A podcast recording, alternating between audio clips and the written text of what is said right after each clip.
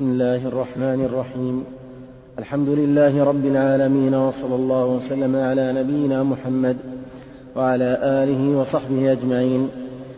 قال الإمام مسلم رحمه الله تعالى حدثني عبيد الله بن عمر بن ميسرة القواريري قال حدثنا خالد بن الحارث قال حدثنا هشام عن يحيى بن أبي كثير قال حدثنا أبو سلمة قال حدثنا أبو هريره, رضي الله عنه أن رسول الله صلى الله عليه وسلم قال لا تنكح الأيم حتى تستأمر ولا تنكح البكر حتى تستأذن. قالوا يا رسول الله وكيف إذنها؟ قال أن تسكت.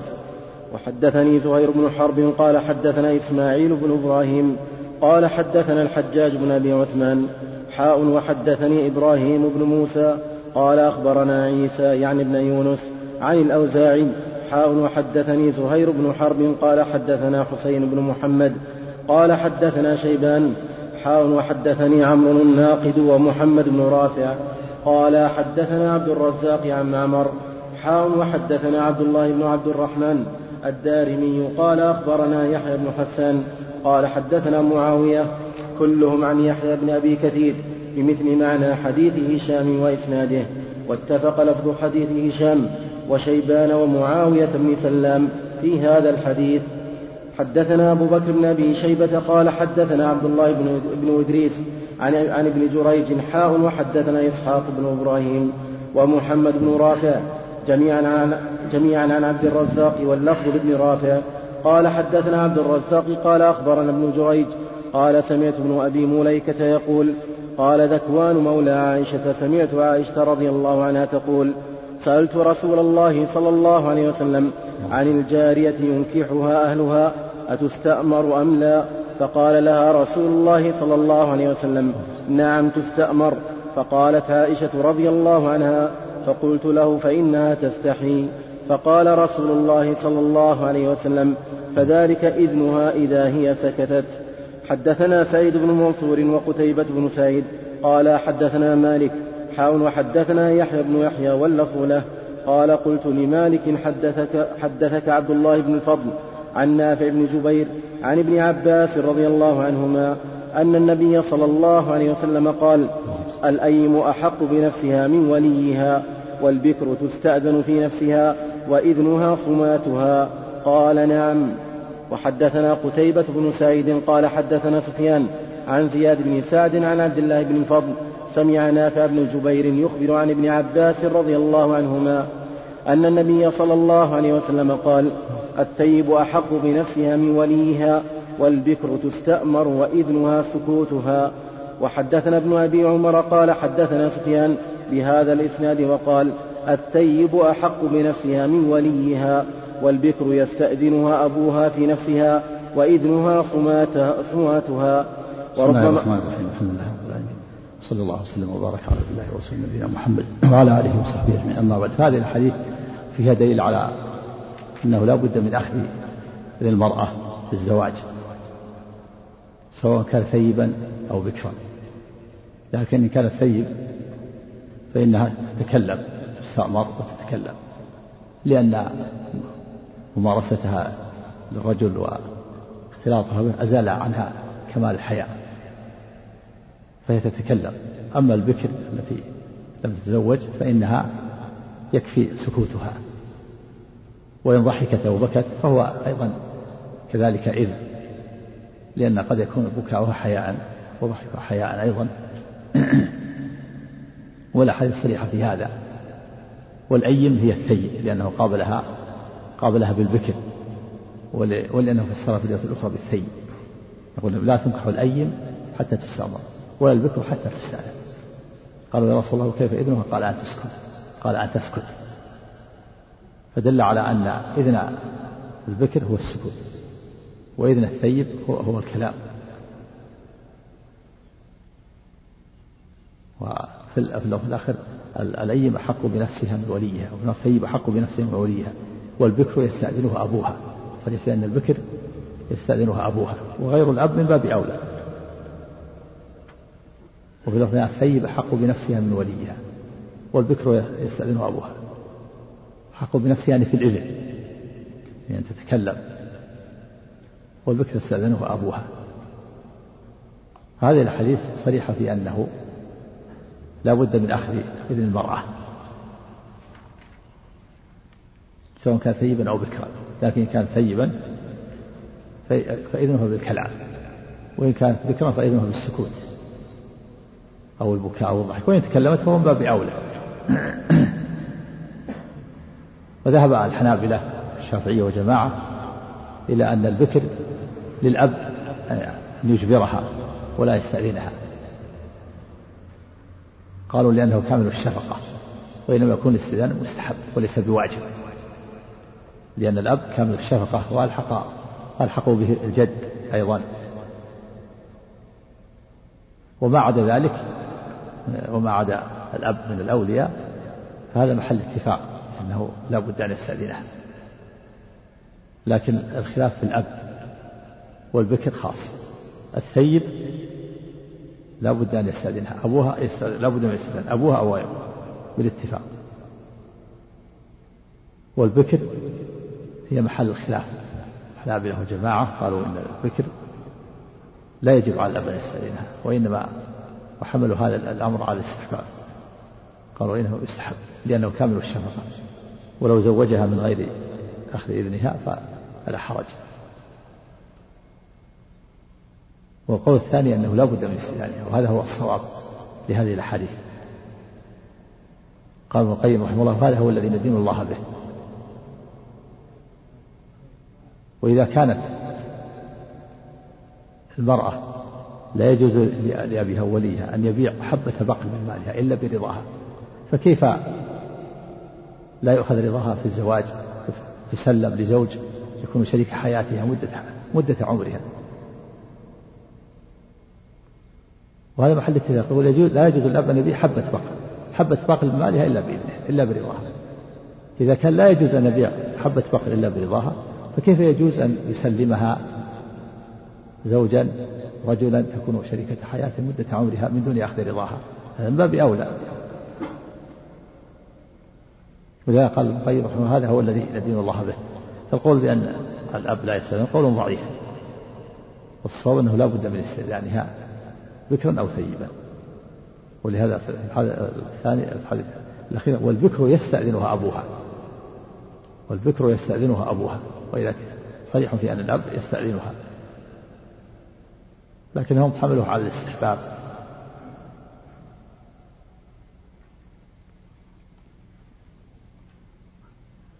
وذهب والجماهير على أنه لا بد من الولي. لا بد من ولا يصح النكاح إلا بولي. ذهب الأحناف وأهل الكوفة إلى أنه يصح نكاح المرأة بدون ولي. واستدلوا بقوله الأيم أحق بنفسها من وليها.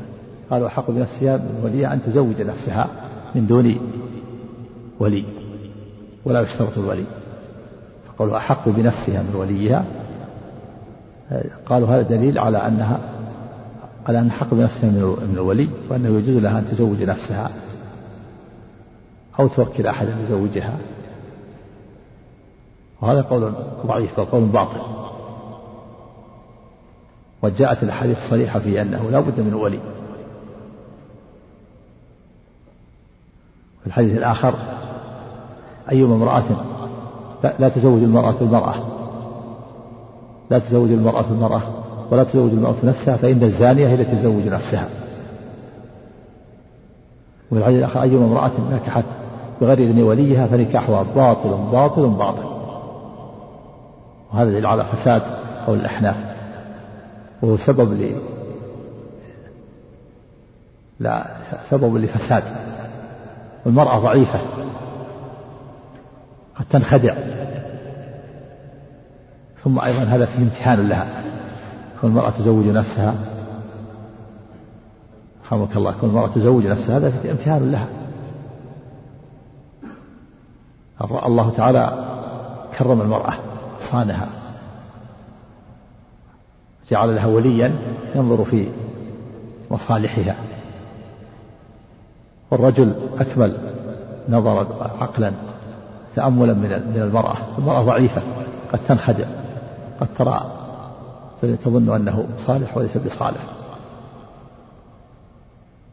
وأخذ بهذا بعض الناس من مذهب الأحناف وصار أسباب الفساد تجد في بعض البلدان في خارج المملكة تزوج المرأة على مذهب الحنف تزوج المرأة نفسها ولا يعلم بها أبواها تنتقل إلى بلد وتزوج نفسها ثم تكتب لأبويها إني تزوجت في البلد الفلاني في المكان الفلاني.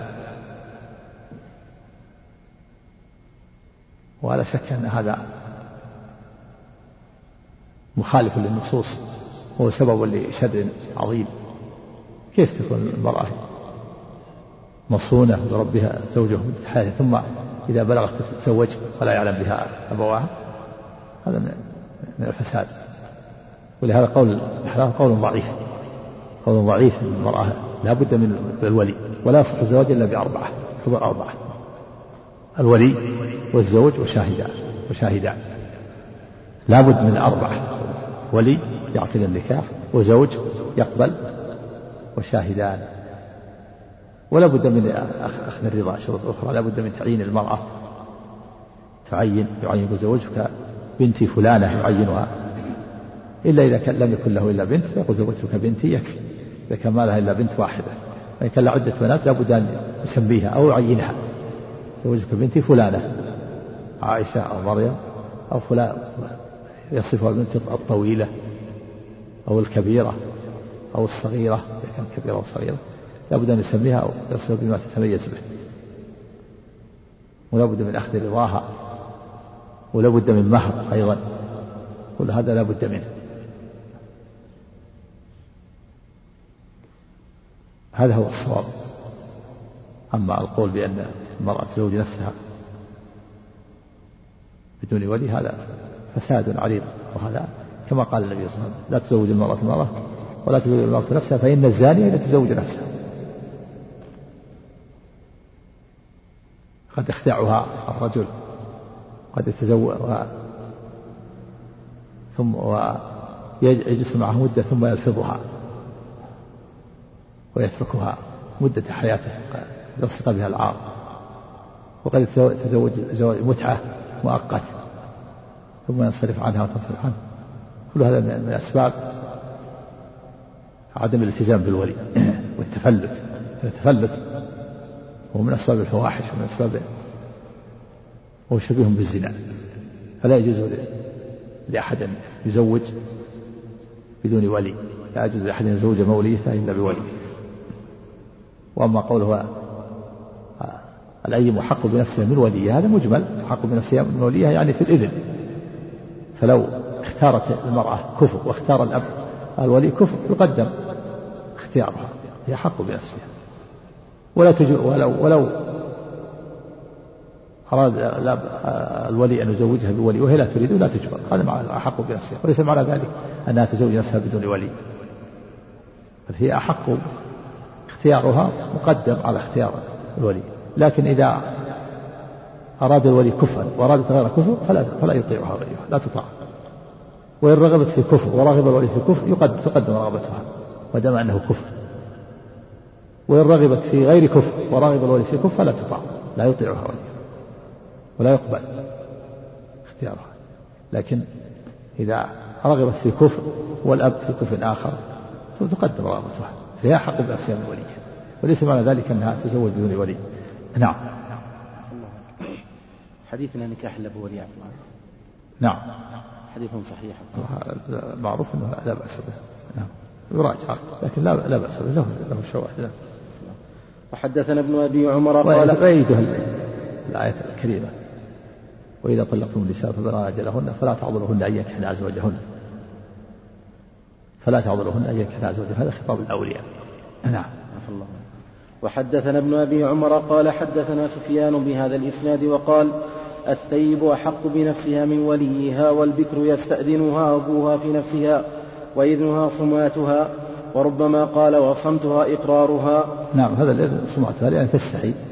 بخلاف الثيب فإنها خف الحياة بممارسة هذا الرجل وإذنها صماتها. وإن تكلمت يكون هذا من باب أولى. خلاف اللي بالحزم الذي جمد على النص. وقال إن الذكر اذنها سكوتا ولو تكلمت لا يعتبر إذن. وابن حزم لو تكلمت لا يعتبر إذن. هذا جمود. لو تكلمت تكون باب أولى. هذا من باب أولى. لكن الظاهرية هذا من جمود الظاهرية. جمدوا في الفروع وأولوا في الأصول. ولو عكسوا كان أحسن في الأصول في أصول الدين جمدوا. أو, أو أول النصوص. نصوص الصفات وفي الفروع جمدوا عليه. ومن جمود الظاهرية على النص قولهم إن لا يبولن أحدكم في الماء الدائم الذي لا يجري ثم يغتسل منه.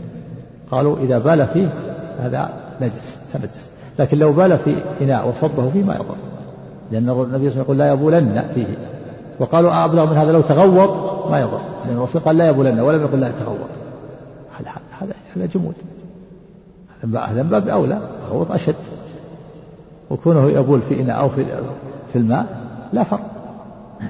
كذلك البكر. إذنها تسكت وإذا تكلمت تكون أبلغ. نعم. حدثنا أبو كريب محمد بن العلاء قال حدثنا أبو أسامة حاء وحدثنا أبو بكر بن أبي شيبة قال وجدت في كتابي عن أبي أسامة عن هشام عن أبيه عن عائشة رضي الله عنها قالت تزوجني رسول الله صلى الله عليه وسلم لست سنين وبنى بي وأنا بنت تسع سنين. قالت فقدمنا المدينة فوعكت شهرا. فوعكت. فوعكت شهرا. فوفى شعري جميمة فأتتني أم رومان وأنا على أرجوحة ومعي صواحبي. فصرخت بي فأتيتها وما أدري ما تريد بي. فأخذت بيدي فأوقفتني على الباب. فقلت ها ها حتى ذهب نفس نفسي فأدخلتني بيتا فإذا نسوة من الأنصار فقلن على الخير والبركة وعلى خير طائر فأسلمتني إليهن فغسل فأسلمتني. فأسلمتني؟ نعم. نعم. فأسلمتني إليهن فغسلن رأسي وأصلحنني فلم يرعني إلا فلم يرعني نعم فلم يرعني إلا ورسول الله صلى الله عليه وسلم ضحى فأسلمنني إليه. وحدثنا نعم هذا احتج به أهل العلم على جواز تزويج الأب الصغيرة التي لم تبلغ سبع سنين بالكفر وأنه يجوز للأب خاصة أن يزوج ابنته الصغيرة ولو كانت دون ولو كانت يعني دون البلوغ دون تسع سنين تزوج بالكفر إذا خيف فوات الكفر. فإذا كان هناك كفر وخاف الأب أن يفوت هذا الكفر يزوج الصغيرة لأنه كامل الشمع.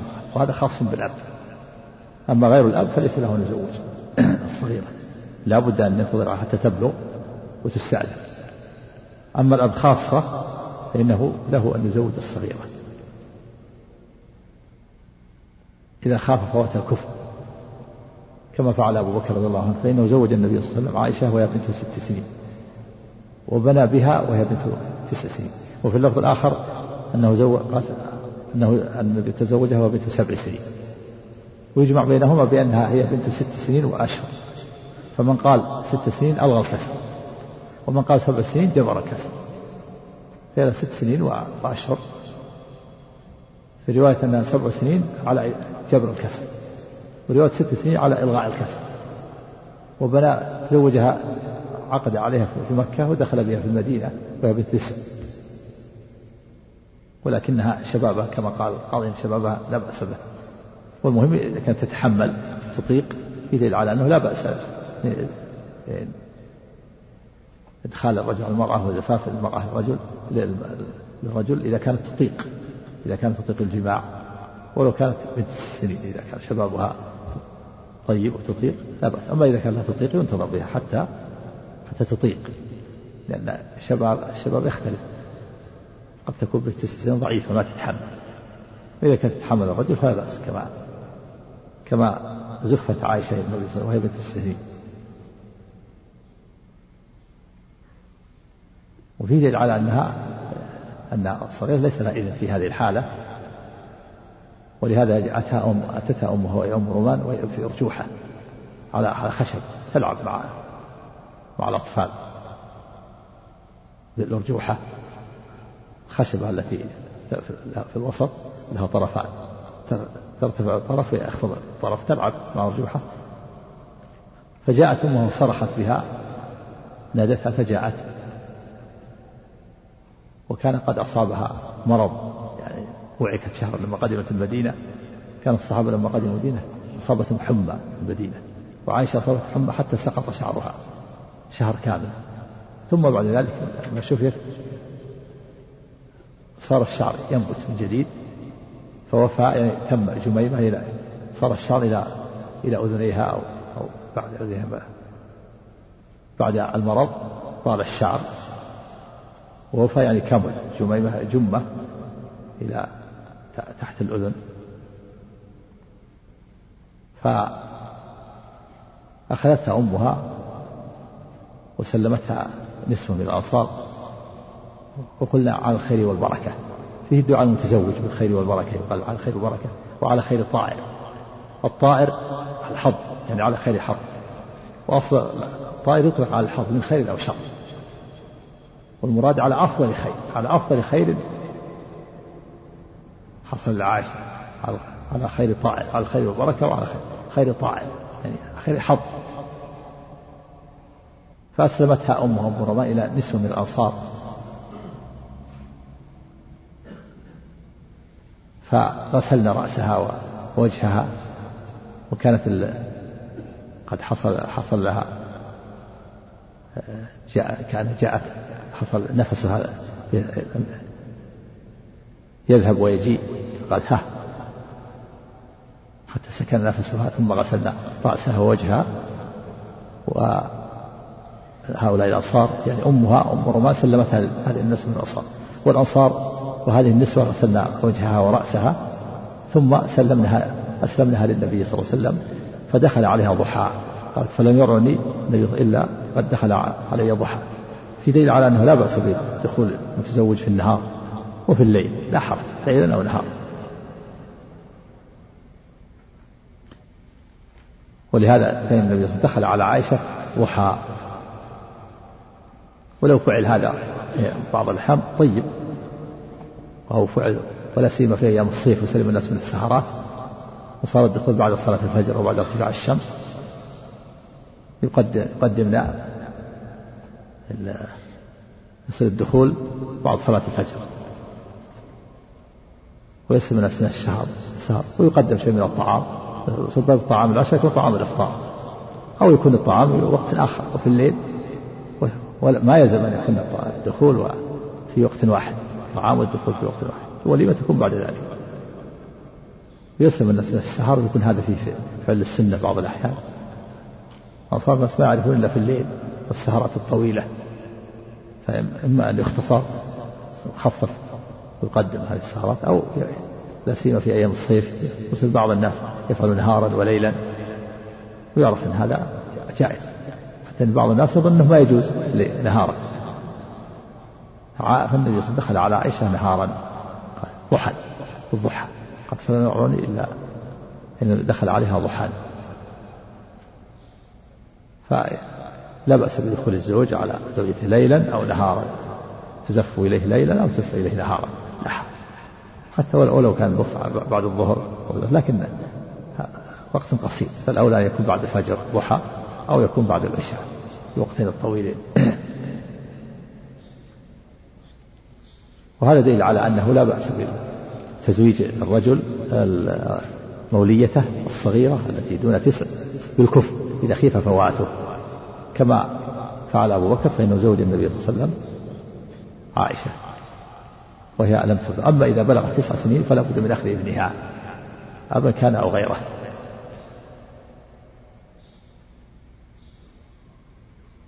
جاء عن بعض السلف أنه تزوج بنت الزبير وأمها في النفاس. صغيرة. فقيل له صغيرة الآن. تحتاج إلى مدة طويلة. قال بنت الزبير يعني احرص عليها. إن عشت فهي زوجتي وإن مت ورثتي. نعم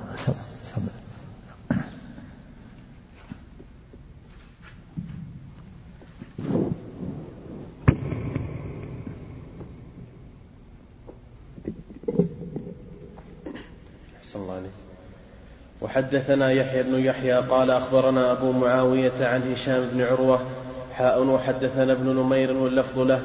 قال حدثنا عبدة هو ابن سليمان عن هشام عن أبيه عن عائشة رضي الله عنها قالت تزوجني النبي صلى الله عليه وسلم وأنا بنت ست سنين وبنى بي وأنا بنت تسع سنين. يعني عقد عليه وهو بنت ست سنين في مكة.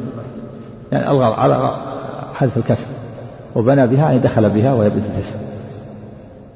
وظاهر أن شبابها كان شباب لا, لا بأس بها تتحمل يعني نعم كانت تشب رضي الله عنها نعم.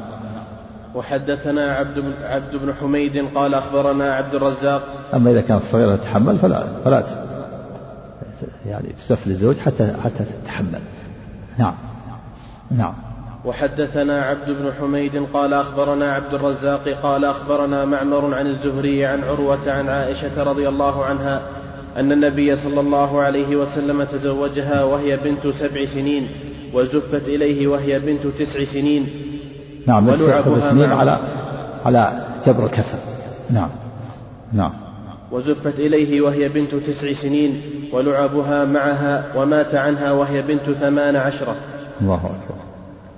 يعني أقامت معها تسع سنين عليه الصلاة والسلام. ولعبه معها استدل به بعضهم على جواز اللعب.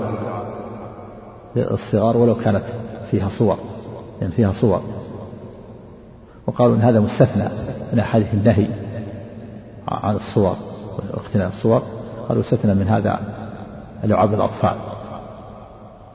والحديث فيه النهي عن بقاء الصور ودخول الملائكة في الصور. قالوا استثنى من هذا لعاب الأطفال لأن عائشة صفت ولعبها معها.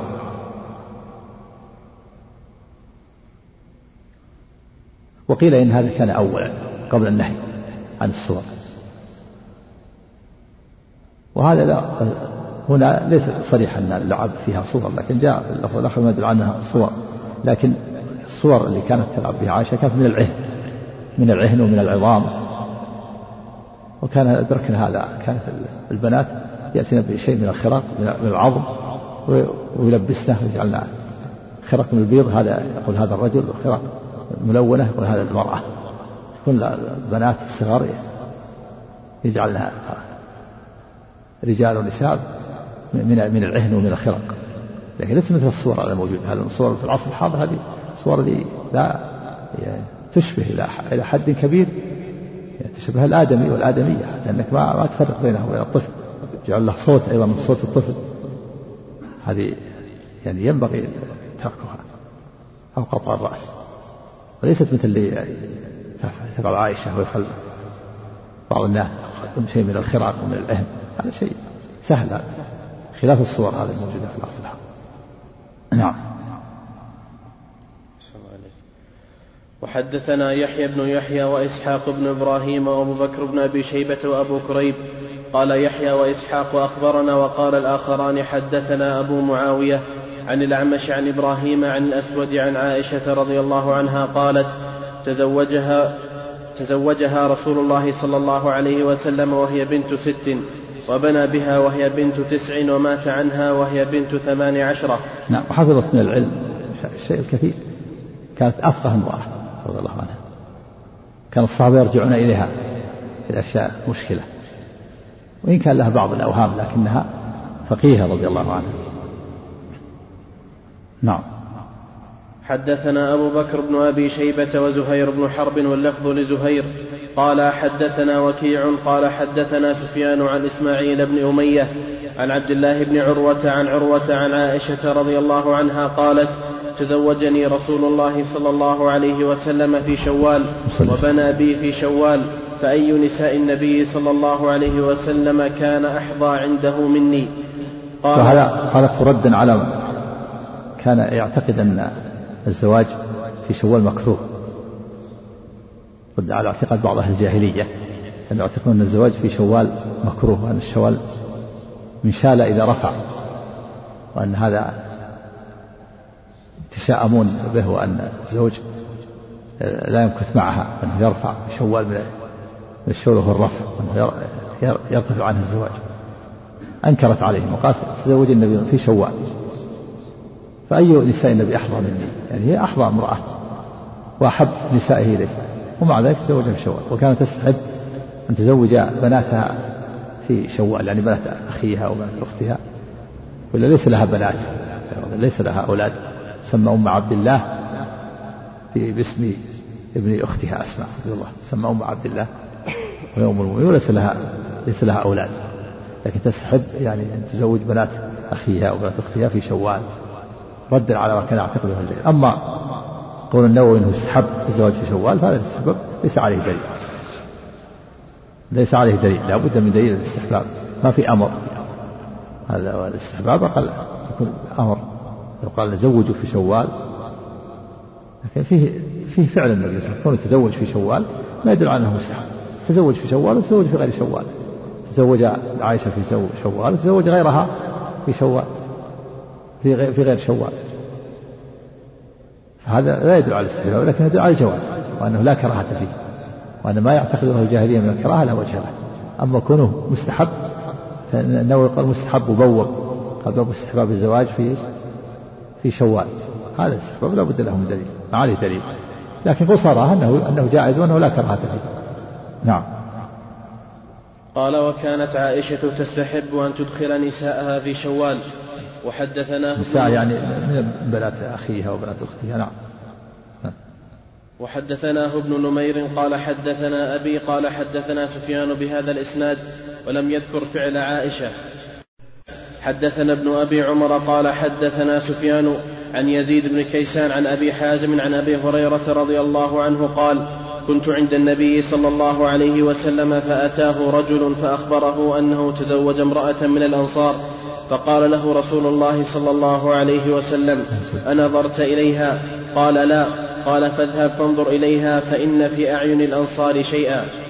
هذا في استحباب النظر إلى المخطوبة. ولهذا أمره قال انظر إليها. هذا أمر هو الأمر للاستحباب. فلا بأس أن ينظر إلى المخطوبة لأن هذا مما يدعوه إلى نكاحها. ينظر إلى ما جرت العادة بكشف ينظر إلى الوجه والكفين. وإذا نظر إلى الرقبة فلا حرج. ولكن لا بد من يكون لا بد من آه من أن يكون عندها وليها. لا يخلو بها. الخلو بها حرام. أو يتخبأ لها كما كان فعل الصحابة. ولو لم تعلم يتخبأ لها وينظر إليها كما كان جابر رضي الله عنه قال تزوج امرأة. وتخبأ لها ونظر إليها. أما الخلوة بها حرام. لا يخلو بها لكن يكون مع علمها أو يتخبأ لها ينظرها وهي لا تعلم أو يكون مع وليه أما ما يفعله بعض دعاة الفساد إلى يتركون الخطيب مع خطيبته يخلو بها أو يسافر معها شهر شهرين حتى يعرف بزعمهم أخلاقها وطبائعها هذا معناه فتح باب الزنا على مصراعيه كيف يسافر بها وهي أجنبية ولم يعقد له عليها؟ يخلو بها ويسافر معها شهر شهرين. نعم. لكنه ينظر إليها. ولهذا قال انظر إليها. فإن في أعين الأنصار شيئا. يعني في أعين الأنصار جاء صغرا. جاء في بعض يعني صغرا. واللفظ الآخر فإنه أحرى أن يؤدم بينكما. نعم. نعم إذا احتاج إلى ذلك. نعم. مرة مرتين. نعم. نعم. صغر العيون يعني. صغر الأعين. نعم. وحدثني يحيى بن معين قال حدثنا مروان بن معاوية الفزاري قال حدثنا يزيد بن كيسان عن أبي حازم عن أبي هريرة رضي الله عنه قال جاء رجل إلى النبي صلى الله عليه وسلم فقال إني تزوجت امرأة من الأنصار. فقال له النبي صلى الله عليه وسلم هل نظرت إليها؟ فإن في عيون الأنصار شيئا. قال قد نظرت إليها. قال على كم تزوجتها؟ قال على أربع أواق. فقال له النبي صلى الله عليه وسلم على أربع أواق كأنما تنحتون الفضة من, من عرض هذا الجبل. ما عندنا ما نعطيك ولكن عسى أن نبعثك في, في بعث تصيب منه. قال فبعث بعثا إلى بني عبس فبعث ذلك الرجل فيهم. نعم هذا في استحباب تقليل المهر. وأنه يستحب تقليل المهر حتى يكون سبب في زواج الشباب والشابات لأنه إذا شدد في المهر وطلب مهرا كثيرا فإن هذا يكون سبب في عدم زواج الشباب والشابات. ولهذا هذا الرجل تزوج امرأة سأله النبي قال بكم تزوج؟ قال أربع أواق. والأوقية أربعون درهما. يعني 160 درهم. وما تعادل شيء ما تعادل 100 ريال الآن. ولكن هذا تختلف باختلاف الأزمنة والأمكنة. كذلك زواج النبي بنساء يعادل 500 ريال. 500 ريال ما تنفع في في عصر الحاضر. ولكن ينبغي أن يخفف المهر بقدر بقدر الحال المناسب.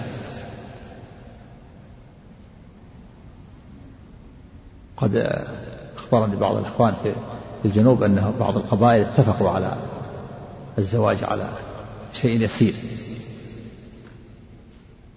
نسيت ما اصطلحوا على كذا. ريالين أو 200 ريالين؟ على ريالين. نعم. فقلت لها يعني هذا ما ما, ما ينفع. قال هذا اصطلاح حتى ما القبيلة ما بعضهم. قلت ريالين ما, ما تنفع هذه. ما, ما يصلح ما ينبغي هذا. ينبغي أن يكون هناك شيء مناسب مثل شيء معقول. ريالين ما, ما يتكلم فيها. حتى المئة والمئتين ما يتكلم. سواء الأطفال في عصرنا في مجتمعنا. ولكن يكون شيء يصطلحون على شيء. وصلوا على ألفين أو ألف أو ألفين. لا بأس. أما أن يصطلح على شيء لا قيمة له ما, ما ينفع هذا فالمقصود أن النبي صلى الله عليه وسلم لما قال له كانت لها يعني لها شأن في زمانه. أربع أواق 160 قال كأنما تنحتون المال من عرض هذا الجبل ما عندنا شيء ما نعطيك. كانوا جاء يطلب من النبي أن يساعد. قال ما عندنا ما نعطيك. يرحمك الله. كأنما تنحتون المال من عرض هذا الجبل. ولكن عسى أن نبعثك في بعث يعني يعني في سرية أو يعني حتى تغنم فبعث وغنم. نعم. تقليد تقليد تقليد وإن اصطلحوا على شيء فيما بينهم وهم مزم لا بأس تقليد بحيث يتمكن الشباب الشباب من الزواج. نعم. نعم. حدثنا قتيبة بن سعيد الثقفي قال حدثنا يعقوب يعني بن عبد الرحمن القاري عن أبي حازم عن سهل بن سعد رضي الله عنه. القاري بالتأكيد نسبة إلى قبيلة القارة قبيلة تسمى القارة نعم.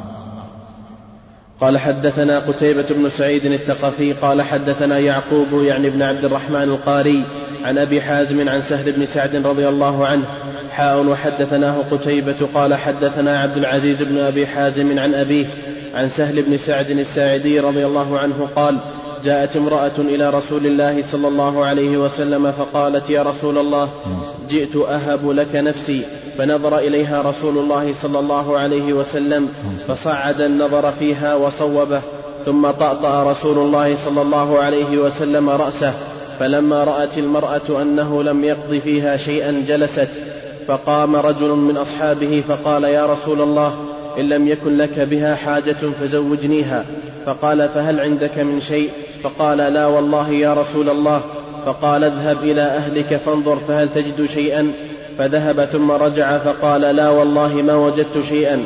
فقال رسول الله صلى الله عليه وسلم انظر ولو خاتما من حديد. فذهب ثم رجع فقال لا والله يا رسول الله ولا خاتم من حديد ولكن هذا هذا إزاري.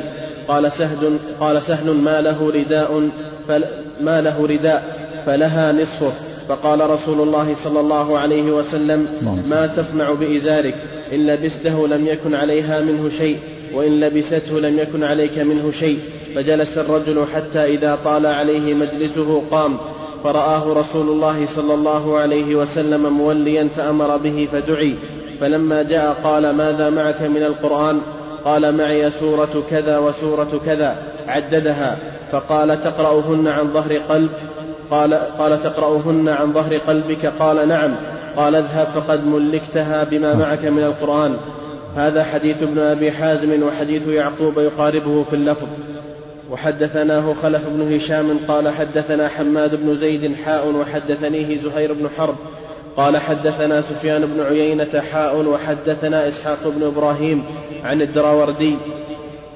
حاء وحدثنا أبو بكر بن أبي شيبة قال حدثنا حسين بن علي عن زائدة كلهم عن أبي حازم عن سهل بن سعد رضي الله عنه بهذا, بهذا الحديث. يزيد بعضهم على بعض غير أن في حديث زائدة قال انطلق فقد زوجتك زوجتكها فعلمها من القرآن. بارك بارك هذا الحديث فيه أحكام فوائد. منها آه، جواز هبة المرأة للنبي صلى الله عليه وسلم وأن هذا من خصائصه عليه الصلاة والسلام أن تهب المرأة للنبي نفسها للنبي فيتزوجها من دون ولي. ووهبنا من دون ولي من دون مهر. هذا من خصائص عليه الصلاة والسلام. قال الله تعالى وامرأة مؤمنة إن وهبت نفسها للنبي إن أراد النبي أن يستنكحها خالصة لك من دون المؤمنين هذا الخصوص خالصة. فهذا من خصائص عليه الصلاة والسلام أن المرأة تهب نفسها له فيتزوجها من دون ولي من دون مهر. أما غيره عليه الصلاة والسلام فلا يجوز. أن تتزوج المرأة إلا بولي وشاهدي عدل وبرضاها أما النبي صلى الله عليه وسلم فهذا من خصائصه. ولهذا جاءت هذه المرأة وهبت نفسها له. ودل على أنه قال النووي وجماعة قالوا أن هذا فيه على أنه لا بأس بعرض المرأة نفسها على الرجل الصالح. لكن نقول هذا ينبغي أن يكون عن طريق الولي. ينبغي أن يكون هذا عن طريق الولي. لكن هذا من خصائص يكون عرض نفسها عليه. وفيه جواز النظر إلى المخطوبة حيث النبي صعد النظر إليها وصوبه ثم طأطأ رأسه. صعد النظر يعني نظر إليها من من الأمام وصوبه من من الأسفل. في دين لا بأس أن ينظر الرجل إلى مخطوبته ينظر جسمها من فوق من أعلى. فالنبي صلى الله عليه وسلم طأطأ رأسه دليل على أنه لا يريدها. فقال رجل بجواره يا رسول لم يكن لها به حاجة وهذا دليل على أن المرأة لعلها ليس لها ولي. ولهذا تولى النبي تزويجها. ظاهر هذا أنه ليس لها ولي. ويحتمل أن أنه بعد ذلك النبي النبي صلى الله عليه وسلم راجع وليها. كان له أن النبي راجع وليها وأن وليها جعل وكل النبي صلى الله عليه وسلم جعله إليه عليه الصلاة والسلام. فهذا المرأة يحتمل أنه ليس لها ولي ولهذا الحاكم ولي من لا ولي له. الحاكم الشرعي يزوج من لا ولي له أو أن النبي راجع وليها بعد ذلك وجعل الأمر إليه. فقال النبي صلى الله عليه وسلم التمس شيئا يعني تصدقها به مهر يدل عنه لا بد من المهر. ولا الزواج بدون مهر كما قال الله تعالى أن تبتغوا بأموالكم. فذهب الرجل إلى أهله فلم يجد شيئا. ذهب وقال ما وجدت شيئا. فقال النبي صلى الله عليه وسلم التمس ولو خاتم بالحديد ولو شيء نسيت. في دليل على أنه لا بأس بتقليل المهر ما دام شيئا مسمى وله ثمن ولو خاتم من وفيه دليل على جواز لبس الحديد. وإنما الممنوع لبس الذهب والفضة الذهب للرجل. والفضة جائز. خاتم الفضة. أما خاتم الحديد فلا بأس به كذلك.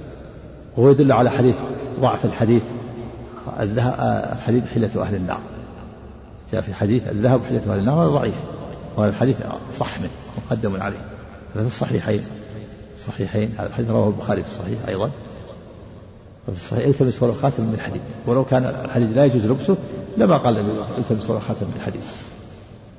فذهب الرجل ولم ولم يجد ولا خاتم من الحديد جلس الرجل قال سهل عليه إزار وليس له رداء مسكين فقير.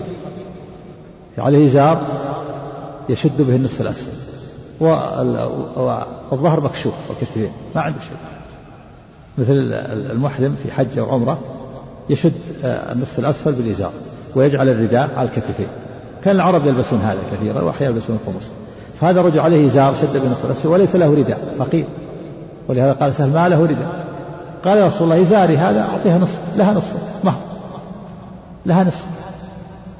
يعني يبيع الإزار هذا ويكون نصفه هو المهر فقال إزارك هذا إن لبسته لم يكن عليها منه شيء. وإن لبسته لم يكن عليك منها شيء. ما ما يقسمها إن أبقيته على نفسك ما صار لها شيء. وإن أعطيتها ما بقي لك شيء.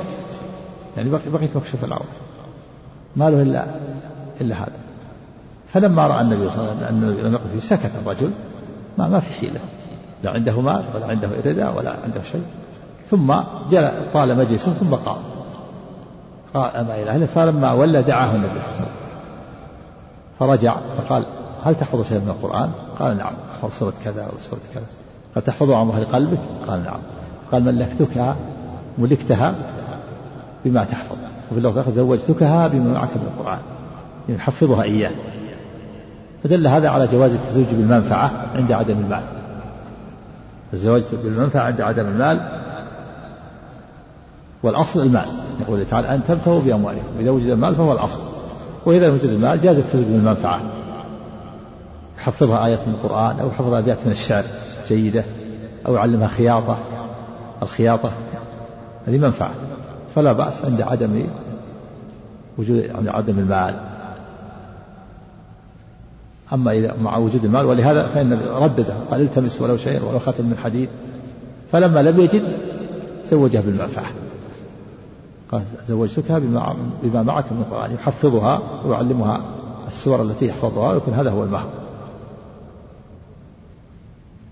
ومن ذلك أن كذلك أبو طلحة رضي الله عنه لما تزوج أم سليم كان المهر إسلامه قالت لما خطب أم سليم قالت مثلك يا أبا طلحة لا يرد ولكنك رجل كافر. فإن أسلمت يعني فهو مهري فأسلم فصار إسلامه هو المهر من ذلك الجارية كما سيأتي آه، إذا كان عنده الإنسان جارية له أن أن يعتقها ويجعل ويتزوجها ويجعل عتقها صداقها. كما فعل النبي صلى الله عليه وسلم في صفية فإنه اعتقها وجعل عتقها صداقها. سم بركة سم بلوغ نعم. مؤخر ومقدم المهم. لا, لا بأس. المهم يكون في في في ذمته لابد يدفع المهر نعم. نعم.